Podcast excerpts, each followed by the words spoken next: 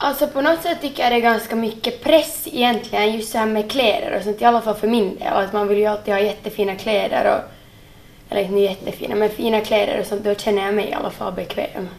Och också så här med kroppen tänker jag att det är mycket ideal och kroppskomplex och så här att då kan man känna att, att man måste träna eller man måste göra det och, och så att just att det blir en press på en att man ska vara fin liksom och inte så. Så det tror jag. För det är just med det är så mycket så här sociala medier i, i dagens läge och sånt att det, så här ska det vara och då vill man vara så. Liksom. Finns det andra saker som kan vara svåra?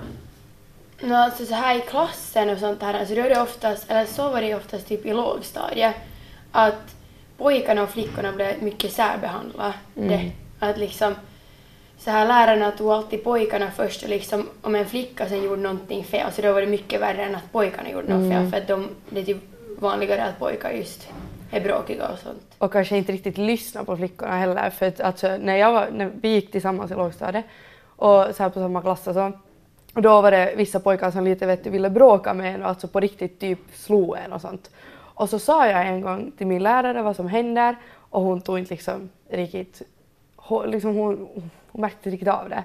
Men sen svimmade jag en gång när de ströp mig och då, då vaknade hon upp men alltså då, det var liksom på trean och då hade det pågått sen ettan. Att det är sånt att vet du, att pojkarna får nog prata och flickorna ska vara tysta och, kärlek börjar med bråk och vet du allt det där.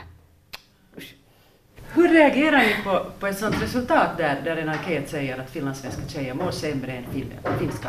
Jag är inte alls överraskad.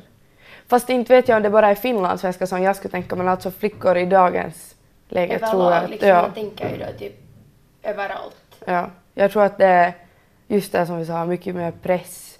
Eh, när man har de här kroppskomplexen så kan det ju leda till vet du, grova ätstörningar och det kan leda till eh, depressioner här och var, ortorexi när man vet du, tränar, vad som helst eller att man allt det här med kläderna och man känner att man alltid måste vara fin och sen blir man ju jätteosäker på sig själv, vilket man ju högst antagligen redan från början är. Och sådär. Så att jag, jag är nog inte alls överraskad. Och man jämför ju sig ganska mycket. Eller det är man säger att man inte gör det men man gör det ändå. Alla jämför sig med alla.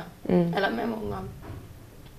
Och det tror jag är ganska jobbigt för att men just så här med kroppar och sånt, om man jämför sig med någon annan så ingen har ju, kan ju ha likadana kroppar och sånt. Och man kan inte då sträva efter att ha någon annans kropp.